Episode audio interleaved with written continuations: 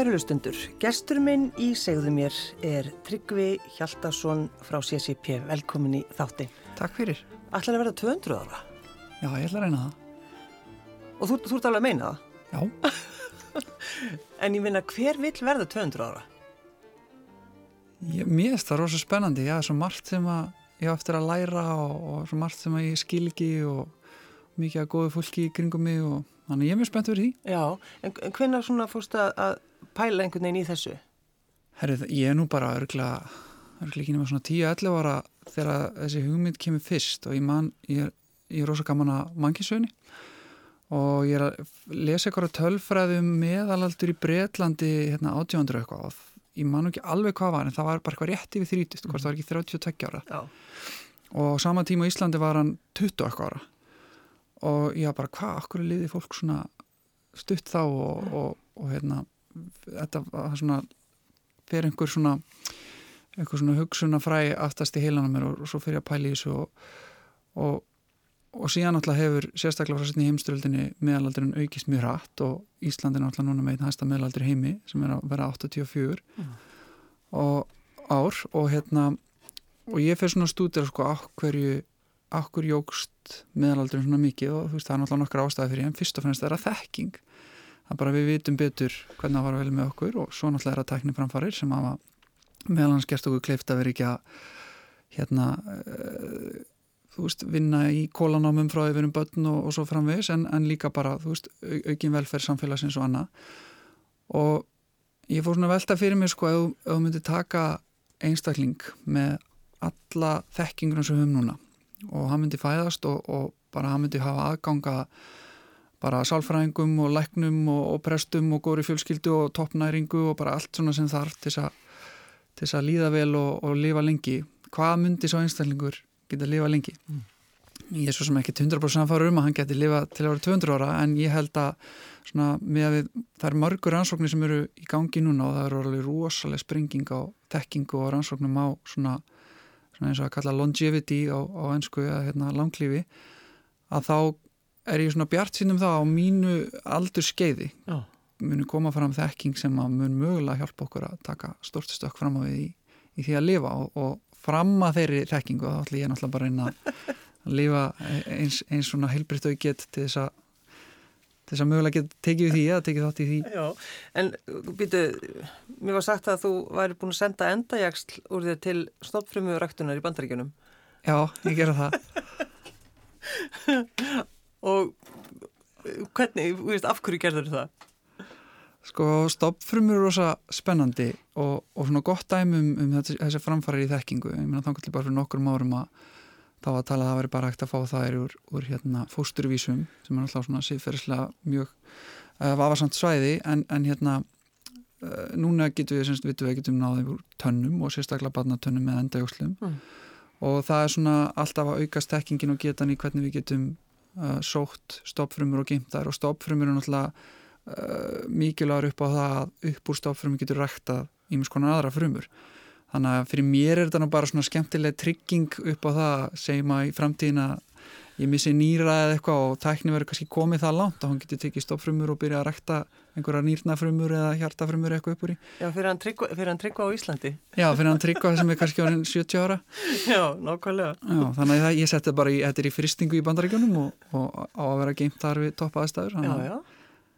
Þannig að þó tæknin er kannski ekki alveg komin ánga núna en, en geimsluðaferðinar og svona eru komnar og ég, ég er svolítið bara veðið það. Já, en uh, það hefur nú ofta einmitt, sko, þegar maður er að skoða alls konar svona samfélög þar sem að er bara, fólk lifir einhvern veginn, já, alveg yfir hundra ára.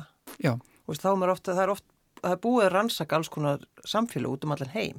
Já. Þannig að maður rauninni ekki ætti að geta svona, já, tekið svona alls konar góðar hugmyndir frá þessum samfélögum. Já, ég held það. Það er alltaf uh, mikil þekking í, í og alltaf mesta þekkingin er í þeim sem eru búinir að lifa lengi og það er, hafa mjög frægur ansókjar sem heit Blue Zones og, og til skemmtileg bók sem heitir mitt bara Blue Zones. Já, var, þetta var akkurat að rannsaka þau samfélaga sem er mjög hátt hlutvall af fólki sem er náð 100 ára aldri og það komur nokkri svona þættir í ljós þar sem að þessi samfélag átti sam, sammeilegt. Þetta var hérna, eh, aðventistanir í, í Kaliforníu, þetta voru uh, hérna uh, samfélagið á Sardinju fyrir utan Ítalíu, þetta var á Grísku eigunum, þetta var í, í, í Japan, lítið samfélag þar og eitthvað eitt enn sem ég er að gleyma.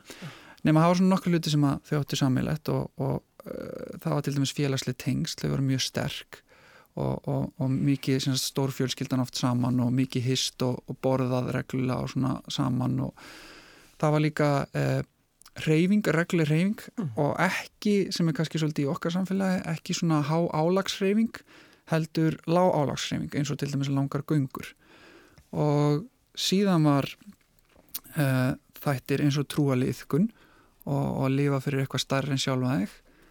Uh, síðan voru þættir náttúrulega bara mataræði mm. og, og, en það var samt ekki alltaf sama mataræðið. Nei, nokkulega og það er svona sem gerir þetta ennþá frólæra Uh, til dæmis aðventistanir borða lítið ekkir kjöt uh, þau hérna í Sardini í Ítali þau borða til dæmis meira á kolvetnum en, en ég myndi halda að flestir íslendinga myndi við kenna verið holdt fyrir þig mm. og, og í, í pasta og kveitiréttum og svona þannig að það er rosa margt svona sem þú getur lært bara af, af þessu svona stóru þýðum sem hafa verið rannsóku í þessum mm. efnum og, og það er kannski skemmtilegt að bæta við að sá sem hafi leitt þessar rannsóknir hann helt fyrirlestur uh, sem er hægt að skoða hérna á TED-gáttinni þar sem hann tala sko um að meðal bandarækjamaðurinn skilur eftir 12 ár af góðri heilsu á borðinu í rauninni bara með lífstílsákvörðunum. Og, og það er svona punktu bara eins og þú sefur ekki nóg eða er ómikið stress eða þú borðar alltaf mikið önnum maturum eða, og, og, og þetta er náttúrulega engin smá tími. Og getur fengið 12 ára góðri heilsu bara með því að breyta hans hegðuninni þá er náttúrulega eftir mikið að sækjast fyrir 12 ári er bara langur tími. Já, heldur betur En hvernig er þú sjálfur, Tryggvi? Uh, hvernig hugsað þú um þína heilsu? Sko ég, ég, er, ég, er, ég er svona nördi, ég er rosa gaman að ég skoða nýjastöðunarsóknir og, og ég er líka, ég er rosa upp á þengjandi, alltaf þegar ég hitt eitthvað sem að ég sé að er að pæli í þessu og er duglur í þessu, uh, hvort sem það er eitthvað læknir eða crossfit stjarn eða eitthvað, þá, þá ringi ég oft í hann eða hanna og, og svona forutnast að reyna að læra, mjög mjög mjög gaman að læra og reynir bara að tilenga með svona, svona best practices eins og maður segir. Og það er bara ímislegt sem að ég hef tamið mér, mér finnst nú ekki að því verið eitthvað eitthvað stórkostlega förulegt en ég hef til dæmis haldið mig frá áfengi og kaffi og, og ég reynir náttúrulega að minga unnamaturur og, og hérna ég, ég stundar reglulega föstur og, og hérna ég rækta trúna mína og ég, ég reyna passa upp á félagslu tengslinn og, og það er náttúrulega ákveðin svona vísindarlega formálur á baku það bara að rekta góðar vínáttur. Og mm. það, það er til dæmis eitthvað sem fólk hugsa kannski ekki oft um þegar það hugsa um heilsuna það er bara það eiga góðan vín getur gefið nokkur auka ár sko. Sko við, við gleymum því nefnilega. Já, er rétt. Og, og hérna einmannalegi til dæmis að því að við nú aðeins verðum að skoða þetta sem ég vinn hjá CCP hann er alveg rosalega uh, kostnæðsami fyrir heilsunæðina og þá er nú einrannsók sem að bar það saman semst heilsufarslega áhrifin einmannleika væru jafngildi því að reykja 15 síkartur á dag mm. þetta er bara þeir sem eru mjög einmanna í langan tíma, þeir eru miklu líklega til að fá hjartafall, til að fá þunglindi uh, til þess að fitna, til þess að vera með harja stress og þannig að bara þetta að hafa fólk í lífinuinu sem að þykja vendum og þykja vendum að það skiptir miklu mál fyrir heilsuna mm. En sko hvernig getur maður uh, tekið tíu daga vassföstu. Já, það er nú, það er áskorun sko, en, en ég myndi nú segja að, að ég, ég er mikið spurður út í föstur og, og ég, svona algengasta spurningin er kannski hérna, ég, ég myndi aldrei geta. Já. Ef ég myndi ekki borða einn dag, þá er ég alveg brjáðist. Þá er ég, ég myndi verða vitlaus. En, en það sem ég er samt alveg búin að sjá, því nú ef ég er svona leiðbent, að sé ekki vera að koma annað hundra mann sem ekki ánum föstur, svona fyrstu skrifið sín. Mm það er að þetta er fyrst og fremst bardagi við hausin þetta er fyrst og fremst agaverkefni og þeir sem að uh, taka þann barda alvarlega og eru tilbúinir að fara út í þetta og undirbúa sem það sannlega það kemur þeim eiginlega alltaf óvart hvað þetta er létt að taka og, og ég náttúrulega byrjaði ekki á tíu sólaringum ég byrjaði bara á einum sólaring og svo fór ég upp í tvo og svo þurra En, en af hverju, hverju ámar að fasta? Sko ég vil nú strax taka það fram að ég, ég er ráðlega ekki fólki að fara og taka tíu sólengu föstu. Það, það er svona, það er rosa álag og líka mann en, en þessar stittri föstur, hvort sem það er það sem ég kalla lótuföstur, hérna intermittent fasting það sem að fastar að reynir að bora máltíðina einar stuttum glukka á hverjum sólaring eða, eða lengri föstur eins og tveir að þrjí sólaringar það er vaksandi fjöldi rannsóknar sem sýnir að það er greiðlega holdt og ef þú fer til með svona PubMed rannsóknargagnagrunnin og skrifa fasting þá koma 130.000 niðurstöður og, og svona ég getur nú tala lengi um heilsufarslega áhrifin en svona kannski tvö stærstu sem flesti sækjast í en alltaf bara annars vegar þingdastjórnun, þetta er einskilverskasta leginn til þess að brenna fytu og, og föstur líka eh, sem er mjög mikilvægt eh, sem er svona mikilvægt hlekkur í því að geta brent fytu, það er insulinnæmið í blóðuninu og inn í frumu. Insulin er svona líkil hormón í að hvernig orkaðtekininn frumur og hvort þú náar aðganga fytubyrjuninum uh -huh. Og þeir sem til dæmis eru búin að borða rosalega mikið af unnu kolvetni í langan tíma, þeir geta verið með insulín ónæmi sem því það getur verið mjög erfitt að komast inn í fytubyrjunar og föstur uh, núlstilla þetta svolítið að endurstilla insulínnæmið og, og heitir náttúrulega bara það að eftir cirka 36 klukkutími föstu að þá ertu búin að klára glíkokjambyrðir í liv, livrininu og fer þá að byrja að brenna fyrt og gera það mjög skiljast og hratt en, en það sem ég hef nú, þetta er nú ekki kannski það sem ég hef mikið verið að velta fyrir mér það sem ég hef mestur að sækist eftir eru andlu áhrifin og, og, og þessi sem snúað langlífi. Og það er ferli sem kallast autophagy sem að myndi íslenskast sjálfs átt frumna sem er bara náttúrulegt ferðilega sem líka með fer og finnur frumur sem eru skemdar eða veikar með ónýtar mitokondriur eða skemmt prótin og, og hann endur nýtar hann bara brýtaður upp og býr til nýja frumur út úr þessu. Nema þegar þú fer að fasta þá verist líka með sitt í ganga einhvers konar varnaðubröð þar sem hann fer alveg á full í þetta og endur nýti mjög hratt og skilvist frumur og þetta eru þá þær frumur sem eru til dæmis líklegri en aðra til þess að verða krabbameinabráð eða, eða með sér einhvers konar vandræði og mikið af læknum og, og rannsakandum í bandaríkunum eins og til dæmis uh, fræguleiknir við Harvard sem heitir Dr. David Sinclair hann er verið að tala um sko að þetta þetta mun vantala lengja lífið þitt að, að hérna, virka þetta ferli regla og, og margir ámælt með að taka lengri föstu og svona tökja þryggja svo, svo lengri föstu ásfjórungslega bara sem fyrirbyggjandi heilsumeðferð mm. Já, en sko þú verðist þegar þú ert að tala um þetta tryggvei og, og lýsir þessu svolítið, það er svona einhver ægi í þér, það er einhver, þú hefur einhvern aga. Já. Hvar lærður hann? Ég, ég, ég veit nú ekki hvar ég lærði hann, ég, ég, ég á goða foreldra sem, sem passuði baðan hjá mér og ég var í íþróttum sem batn og ég held að að það sem rosa holtur öll börn að fara í íþróttir upp á að læra aga, ég var í frálsum íþróttum og fókbalta fyrst og nefnst, uh, svo náttúrulega fór ég til bandaríkinu og var í liðsfóringi þjálfinu á bandaríkunum hjá bandar ekki hér og það var náttúrulega mikill ægið þar. Þannig að ég hef alveg oft verið þeirra blessunar njótandi að vera í aðstæðum það sem, að, sem krefjast aga og, og reynda að tilenga með það ég, ég til að ægi sér mikil digð og, og hérna finnst að vera svona ég laðast mjög af fólki sem að ég sé að hafa mikinn aga finnst það mjög fallet Já. En verður ekki eins og stoppa við liðsfóringja þjálfun hjá bandar ekki hér? Af hverju fórst í það? Sko ég, ég held nú ég að bara vera áskaplega típiskur íslenskur strákur með það að hérna, ég helst upp í landi með, með engan hér og kannski ekki drosa mikið naga, svona almennt séð. Alltaf þannig að var það mín upplöfun og, þannig að mér fannst hér alltaf rosa spennandi tilhugsun. Og það er mikið áhuga á, á hérna hér og sérstaklega bandar ekki hér og, og hérna svo fer ég Eh, eftir framhaldsskólinn í Vestmannum þegar ég útskriðast þá hvað ég að fara með bestavinum minnum og við tókum svona road trip eins og að kalla kiftum gamlan Cadillac og kerum með bandaríkin. Já það, veist, það, það tala flestur um það en gera þetta ekki. Þið gerir þetta Já það var á mikið æventyri og við, við tókum alveg fjóra mánu í þetta og í leiðin ákvað ég að skoða bandaríska háskóla því að mikið náttúrulega á að fara í háskóla með bandaríkunum og finn hann að háskóla í eðmörkin í Arizona sem ég á mjög hrifin af og nema svo er ég komin þarna þá sé ég að bandaríki hér með eitthvað prógram sem heitir Reserve Officer Training Corps eða liðsforingið þjálfun og sem virkar það þannig í mjög stuttumáli að, að þú getur tekið háskólanám samlega háskólanáminu ert í fjögur ára þjálfun hjá bandaríki hér til að vera liðsforingi þeir borga þá háskólanámið en á móti skuldaru þeim 8-10 ára skuldbindingu við útskrift og þú útskrifast þá í rauninni með liðsforingið í bandaríki hér og Ég er að fara í þetta nám ári eftir að bandarækjaðar yfirgifir Ísland. Þannig að þeir yfirgá Ísland 2006 og ég fer hann á 2007. Og ég fer hann að tala við þann sem er yfir þessu prógram og spyr hvort ég megi koma og, og þjála með þeim. Mm.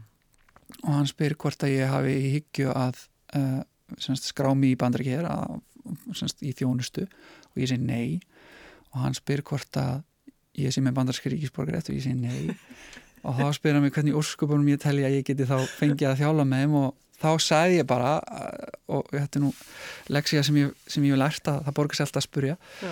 ég sagði bara, já, bandarækiheyr er nýbúin að fara frá Ísland og við erum, við erum í rauninni heyralust land og, og erum bara svona að velta fyrir okkur hvað gerum næst og þannig ég var að hugsa að það væri kannski sniður til bandarækjum en að þjálfa einhver Íslendinga í þessum efnum og þá einhvern veginn kviknar rosa á hann og hann heldur langa ræðu um að þetta ánum verið mýstökja bandarækja hér og nú Já, muni að bara, bara kínveri að koma og byrja að kaupa upp lands á Íslandi og byggja útskipunarhöfn og, og, og norður sjóleiðin og, og þannig að hann var bara, "Harry, ég- að- þetta er alveg rétt hjá þér, við þurfum að þjálfa ykkur Íslendinga. Og hann segir hérna, ég skal setja inn beðni fyrir þig. Og, og hérna semst, hún er samþygt að, að því er bara svona maskína. Já. og það var búið að koma fjármagn fyrir 110 uh, liðsvaringja nema það var bara 86 búinir að sækjum þannig að hann sagði að meðan það er pláss þá er í hvort er með fjármagnið þá máttu koma inn sem svona áhorfandi. Nema svo fer ég bara að mæta á fyrstu hérna, æfinguna sem var svona úti æfingi í, í svona, uh, svona að stýra hersveitum. Og þá náttúrulega bara er pandar ekki hér er bara maskina með ekkert pláss fyrir áhorf þannig að ég var bara settur í gegnum allt eins og allir aðrir og þá var bara að fara í röð og allir fengur búning og byssu og svo var bara hérna name and social security number og ég sagði bara nafn og að ég væri ekki með social security number. Og þá alltaf stoppaði vélina og bara ha? Og þá sagði ég alltaf bara hérna já, her, herfóringin, hann sagði ég mætti. Og þá bara já, ok, Já. hann alltaf minn yfirmar, já, ok, þá bara skrái ég hérna niður. Og svo bara svona róla var ég komin inn í alla vélina og kláraði hérna þryggjára liðsvoningina með bandaríkja herr án þess að þurfa skuldbinda mig, ég fekk sem bara labbi burtu sem að ég veit ekki um annað dæmi en, en þetta er svona En sko Tryggvi, hefðuru viljað fara í stríð? Hefðuru viljað fara með þínum liðsfélögum?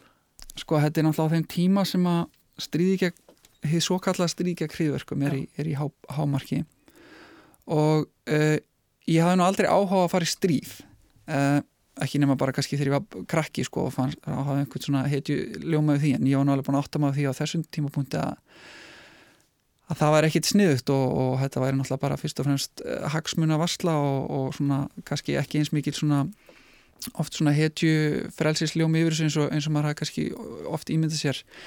En, en ég viðkenni það alveg að það var náttúrulega erfitt. Þú, þú mynda tengslu við einstaklingarna sem er aðná ég átti að vera góða vinni og, og margir af þeim fóru síðan til Írak eða Afganistan og, og hérna og það var alveg svona ákveðin sorg og, og eftir sjá að sjá eftir þeim og herin lagði mjög hart að mér að skrá mig, þeir vildu fá mig inn í þjónustu að því ég var hann búin að þjála með þeim og mjög gekk vel og, og þeir buðu mér ímsa, ma maður getur sagt gull og græna skóa, það var alveg búin að háar upp að ég myndi skrá mig og því myndi fylgja liðsforingja, nei hérna ríkisborgarréttur og Já, þannig að þú hefðir alveg geta gert þetta. já, já, þetta var alveg orðið þess konar valkostur en ég segi nú alltaf hérna að það var ástinn sem bjargaði mér.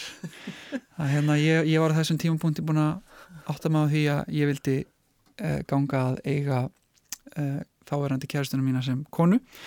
Og við vorum búin að vera saman bara síðan við vorum úlingar í Vestmannum og ég, ég, hérna, ég byrjaði bara með stelpin í næsta húsi. Já, og ég gæti ekki hugsa mér að fara að bjóða henni upp á það líf að vera svona svo kvöldlega army wife. Nei. það er nú ekki mjög spennandi líf. Þannig að mér fannst þetta aldrei vera á borðinu sinni valkostur að fara lengra en þetta sko en, en þetta var náttúrulega mikið æfintýri og ég er rosa þakklótur ég fekk að taka þátt í þessu.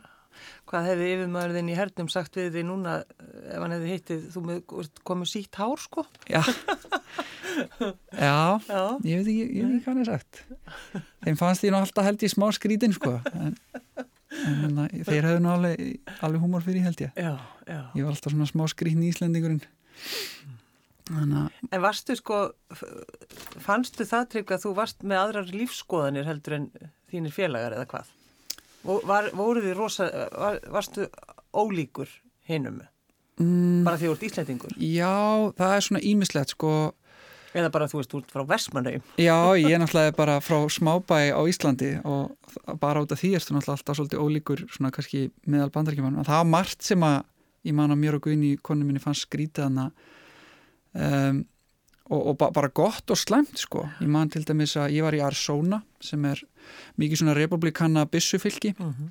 og ég man þegar maður fór í Walmart í fyrsta sinn sem var svona búið þarna þá, þá er þetta er svo kallar open carry state þá var menn bara með byssur á mjöðminni og úst út í búið og maður þurfti svona að venjast þess en svo komst maður inn í hennar byssukultúr að því ég náttúrulega var í hernum. Mm. og félagarnir þar og alltaf hérna, herru, við ætlum að fara í kvöld og við ætlum að sprengja upp þóttal með sprengikúlum og, og þetta er alltaf, þetta er rosa sport sko. Já, já, já. ég, ég hafði gaman að þessu og svona dróst alveg inn í þetta og, ég kem með, ég já, kem með. þeir voru alltaf hérna pæli í bissónum sínum og, og fræðamannu það og flestir er að báru gríðarlega mikla virðingu fyrir bissónum sko. Og þetta var ekki svona þú veist bara eitthvað leikfang og eitthvað svona þó aðrir sá þetta alveg þannig sko. Um, hitt sem okkur fannst alveg smá skríti var að þeir eru svo rosa mikið með tilfinningarna sínur á erminni oft. Já, og ég vil náttúrulega ekki alhafa bandaríkjum en náttúrulega bara mismöndi eins og Íslendingar en, en við lendum alveg oft í aðstæðum þar sem að sérstaklega Guðni kona mín hún er svona, hún er svona típa fólk er alltaf að fara að segja inn í leyndamálin sín bara, bara klukktíma eftir að kynnistinni og hún lendi í alveg ofta að komi bara grátandi stelpur heim til hennar og, og, og að því að það var eitthvað eitthva erfleikar lífin hennar og þetta var svo rosalega mikið drama sem, sem við vorum ekki alveg vön úr, úr, úr versmannum nei, akkurat. Það geta verið eitthvað að tala mikið um þetta. Já, þetta er, sko, hugsaðu oft um hennar tíma, Tryggvi. Þetta er svona, fyrst, fyrst er þetta orðið svona eitthvað órennurulegt. við þykir rosa vænt um þetta Já. og ég held að það sé rosalega holdt og því ég finn það sjálfur, nú, nú eru tvö ár síðan ég flutti síðan aftur til Vestmanna, ég flutti, flutti bara til Íslands og bjóði í Reykjavík og Seltjarnesi uh, tíu ár eftir útskrift og svo eru tvö ár síðan flutti aftur til Vestmanna og þá fann ég að það er fullt af hlutum í Vestmanni núna Mm. sem ég kann rosalega vel að meta uh, sem ég er ekki vissum að ég hefði kunnað að meta ef ég hefði ekki flutt í bandaríkjana Nei, og ég kunni ekki sérstaklega að meta þegar ég var að alast upp þar. Og þetta er svona eins og ég bjóði í eðmörkinni og það var ekkit veður. Nei, það var bara 362 daga ári var bara blár heiminn og ekki rigning. Nei, getur ekki verið svona brjálaðan. Já, og, og við vorum hérna 2000 okkar kílometrar frá sjónum. Og það bara finna ekki sjávarlikt og sjá ekki sjó og heyra ekki sjó fyrir einhvern veginn sem ég sem ólst upp að eigu mér finnst það bara rosalega erfitt. Já, og, og ég kann alveg ofsalega vel að með þetta núna þegar ég er í Vestmannum og, og rigning, já. eitthvað sem ég held ég myndi aldrei sakna ég fór að sakna henni alveg rosalega mikið Elskar rigninguna. En Tryggur, þú talar um þetta með sko uh, þessi svona félagslegu tengsl og einmannaleika Já. í sambandi við bara lífsgæði. já, Uh, þú ert að skoða á samt þínu félögum eflaust uh, hvað EVE Online hefur jákað áhrif á líf og vináttu já, margra. já Og, og einhvern veginn, það er ekki það fyrsta sem mann er dettur í hug þegar maður hugsa um tölvuleik. nei, og það var ekki að fyrsta sem ég dætti hug Nei. og kannski fyrir smá bakgrunn fyrir hlustendur sem eru ekki mikið í tölvleikum þá er sem sagt EVE Online er uh, stærsti íslenski tölvleikur sem hefur verið gerður og hann er búin að vera uh, í gangi síðan 2003 Mm og hérna uh, er svona tölvleikur sem gerist í geimnum og, og þú getur farið inn í leikin og, og byggt þitt geimveldi þar eða verið geim sjóraningi eða ráðist aðra og getur, hefur svolítið frelsi hvað þú gerir. Og þú gerir það yfirleitt með öðrum spilurum þetta er svo kallar MMO-leikur eða fjölspilunarleikur á netinu.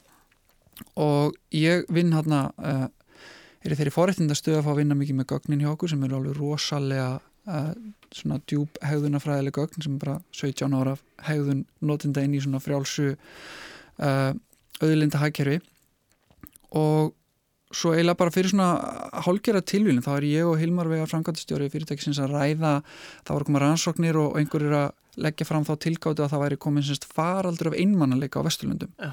og það var að vitni í rannsóknir í bandaríkunum Breitlandi það sem alltaf 40% af fólki á hvernig aldursópum segir að það upplifir oft uh, einmannaleika eða einangrun og við erum svona að ræða þetta út frá tölvuleikjum að því að einhver vilja meina tölvuleikir og, og samfélagsmiðlar og þetta sé að einhver leiti orsakavaldur í þessu Bara það bara versta sem, sem að bötun okkar geta farið í. Já, já, bara þú veist, margir vilja meina það Já. og, og, og, og við náttúrulega sem að störfum í tölvuleikjabransan vitum alveg að tölvuleikur er ekki bara nei. þetta er bara alveg svo að ég myndi spyrja er interneti gott eða slæmt, þú veist, þú getur fara á interneti og eitt, eitt tímaninn í ömurlega hluti og frábæra hluti og þannig að við teljum að það skiptir máli sko hvers konar tölvuleikur ert að spila og hvort er til dæmis með fólki eða ekki og hvort þú setja að læra eitthvað ekki og hvort þetta sé fjárættu spila tölvuleikur ekki og svo framvegis. Þannig að við fyrir svona velta fyrir okkur hver er okkar ábyrð í þessu og hvernig að þetta sé að hafa áhrif á spilarinn okkar? Að þeir sé að upplifa einmannleika? Og við viljum náttúrulega ekki okkur þykir greiðlega vænt um spilarinn okkar og, og við viljum auðga líf þeirra og, erum í miklu samskiptum við þá og rannsökum það mikið og sendum út spurningalistana þannig ég segi við Hilmar, herru, ég er að fara að senda út uh, skoðanakönnun, ég bæti bara einn spurningu og ég spyr spilana hvort þeir hafa eignast vini í gennu það að spila leikin Já. og ég sendum það út og það er hann einhverju þúsundir sem svara og, og hérna við vorum svona alveg, hafa, við ekki væri nú gaman ef kannski 10-15% af þeim hefur bara eignast vini í leiknum. Það er 73% á spilunum svo veist út af því þeir spilu leikin 73%? 73% og ég trúði ekki þessum tölum. Ég var bara, herri, ég ætla að senda þetta út aftur. Og við sendum þetta út við erum búin að senda út þrísvar eða fjórusunum og á, á mismunandi tímum til mismunandi semst, hluta af spilunum og alltaf kemur tilbaka á milli 65 og 73% og þá sendum við út spurningu og það sem var spurt sem sagt, skipti þessar vinatuði máli? Hafa haft sem sagt, spurningi var uh, has it had a meaningful impact? Hefur, semst, haft uh, einhvers konar áhrif á lífið sem að skipti máli og 65% af þessum 70% segja að þetta hafa haft meaningful impact á líf þeirra. Og þarna náttúrulega bara horfum ég og Hilmar og, og við sem erum í Ísu bara í, í andlita á hvort öru og erum bara herrið, við verðum að skilja þetta betur. Og upp úr því kemur semst það sem er núna orðið tveggja ára rannsóknarverkefni það sem við erum bara að skilja betur hvernig verða vináttur til í leiknum hvernig þróast þær, hver eru gæðin á vináttunum og, og svona hvað eru vísindina bak við vináttu myndanir og það er alveg ótrúlega fróðlegt og skemmtilegt sviðar rannsaka. Vákvært er áhugavert. Mjög sko. Já. En og líka til dæmis sko þeir sem eru að spila þetta uh, þróa með sér leðtóhæfni segið þið. Já, akkurat. Vi, við sagt, fengum, að því við, við höfum ágjörðið að við varum, við erum náttúrulega ekki hlutlusir þegar við ansökum þetta. Nei, nei. Þannig að við fengum uh, hlutlust uh, fyrirtæki sem var bara ekki tengt okkur og við sögum við á hérna, herru, við erum, við erum byrjað að fá hérna vísbendingarna um það og um að sagt, leikurinn okkar stuðlar að því að uh, spilarnar okkar að mynda félagslega tengingar sem mm. skipta mm. máli. Geti þið rannsaka þetta bara, bara út frá ykkar sjónarni og sjá, sé hvort þið komist að annar nýðstöða og þeir gera að, að, að kalla webcrawl þegar hérna þú getur sett út svona uh, smá forrið sem fara yfir semst allar opnar vefsýr, svona þræði eins og reddit og svo leiðis það sem er verið að ræða, til dæmis það er fullt af að þetta er kallað fórumir, að spjallræðir það sem er að ræða leiki eins og EVE Online. Og þá, þá þá fer hann yfir og tekur út orð og sér sko hvaða tilfinninga orð kom oftast er að vera ræðaleikin, um hvað eru spilanir ræða og svo framvegis. Mm. og þetta er sérst fyrirtæki bara sem sér, sérhæfis í þessu. Og þeir koma tilbaka og segja, herru já, spilan tala rosa mikið um það þeir sé eignast vinu og, og þeir spil með vinum sínum og þetta sé vinóttu myndanir en svo talaði líka um sérst, skills eða hæfileika já. sem þeir eru að fá út úr spilin á leiknum. Sem er kannski gagnast þeim í vinnu eða eitthvað slikt Já, og, og, og bara sko ég geti, geti hendið í fullt af gagnapunktum annað úr þeirri rannsókn en það sem bara mér finnst alltaf skemmtilegast að saðan að segja frá er sem var aftur bara algjör tilvunum, við fengum e-mail frá spilari í Kanada og hann bara sendir þetta á, á info.ccpgames.com sem er bara svona opið e-mail fyrir fyrirtæki og hann segir, herru, mér langaði bara að senda smá þakkarbrif til ykkar. Og þá er saðan hans þannig að hann semst á búin að spila leikin í sex ár og er búin að byggja upp svona fyrirtæki inn í leiknum, svona veldi og flutningsfyrirtæki og ráða spilar í vinnu fyrir svo annað. Og svo situr hann eitt kvöldi heima og svo er bara, ó, rosalega er þetta gaman.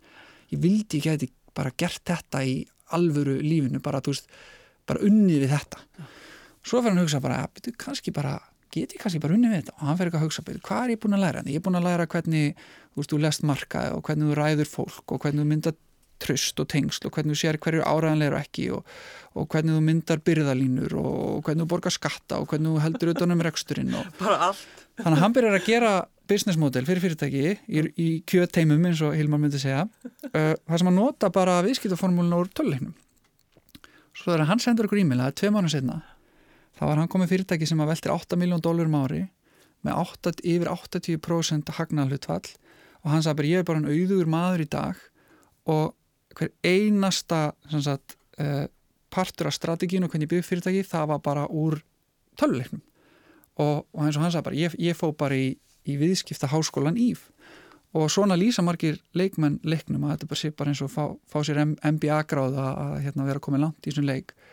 Og þannig að við fórum þá að rannsaka þetta betur og þá kemur ljósa margir að þeim lýsa því að þeir að fengi störf annarkvært í gegnum leikina því að þeir þekktu leikmenn sem voru það búin byggja tröst við eða hæfileika sér til einhversu í leiknum nýtast þeim í starfið að hjálpa þeim að landa störfum. Mm.